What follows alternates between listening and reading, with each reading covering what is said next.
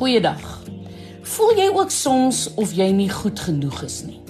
Nou Decca Records het in die 60er jare vir die Beatles laat weet dat hulle nie in 'n opname belangstel nie. Hulle het gesê ons uitvoerende direkteure het besluit dat gitaargroepe nie meer gewild is nie en ons glo nie dat julle groep in toekoms in die vermaaklikheidswêreld het nie. Nou ja, ons ken die geskiedenis. Gelukkig het hulle hulle nie daardeur laat onderkry nie. Nou Walt Disney en ander het soortgelyke verhale. Brian Acton en Jan Koum het na jare van ervaring by Yahoo as ook by Facebook aansoek gedoen vir werk en hulle het 'n nee gekry. By Twitter het hulle dieselfde antwoord gekry. Nou die twee manne se afsêbriewe het hulle laat besluit om hulle eie platform te ontwikkel. En 'n paar jaar later het hulle WhatsApp vir 19 miljard dollar aan Facebook verkoop. Nou wat is dit wat ons hier uit leer?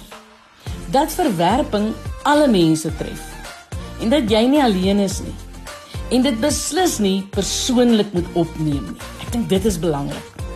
Ons kan nie dat wanneer mense vir ons nee sê, dit persoonlik maak nie. En ons wat weet dat vir hulle wat God liefhet, werk alles in goeie mee, moet ons net aanhou en aanhou. Ek sê altyd jy moet Coco man. Coco is keep on keeping on.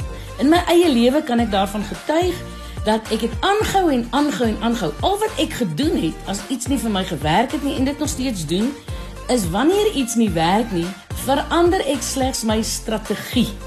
So dalk sukkel jy ook met iets. Kom ek moedig jou aan. Kom ek bemoedig jou. Kom ek inspireer jou vanmôre. En ek sê vir jou, hou net aan. Verander net jou aanslag, maar moenie opgee nie. Ek is Lenet Peer vir Groot FM en Speranzia.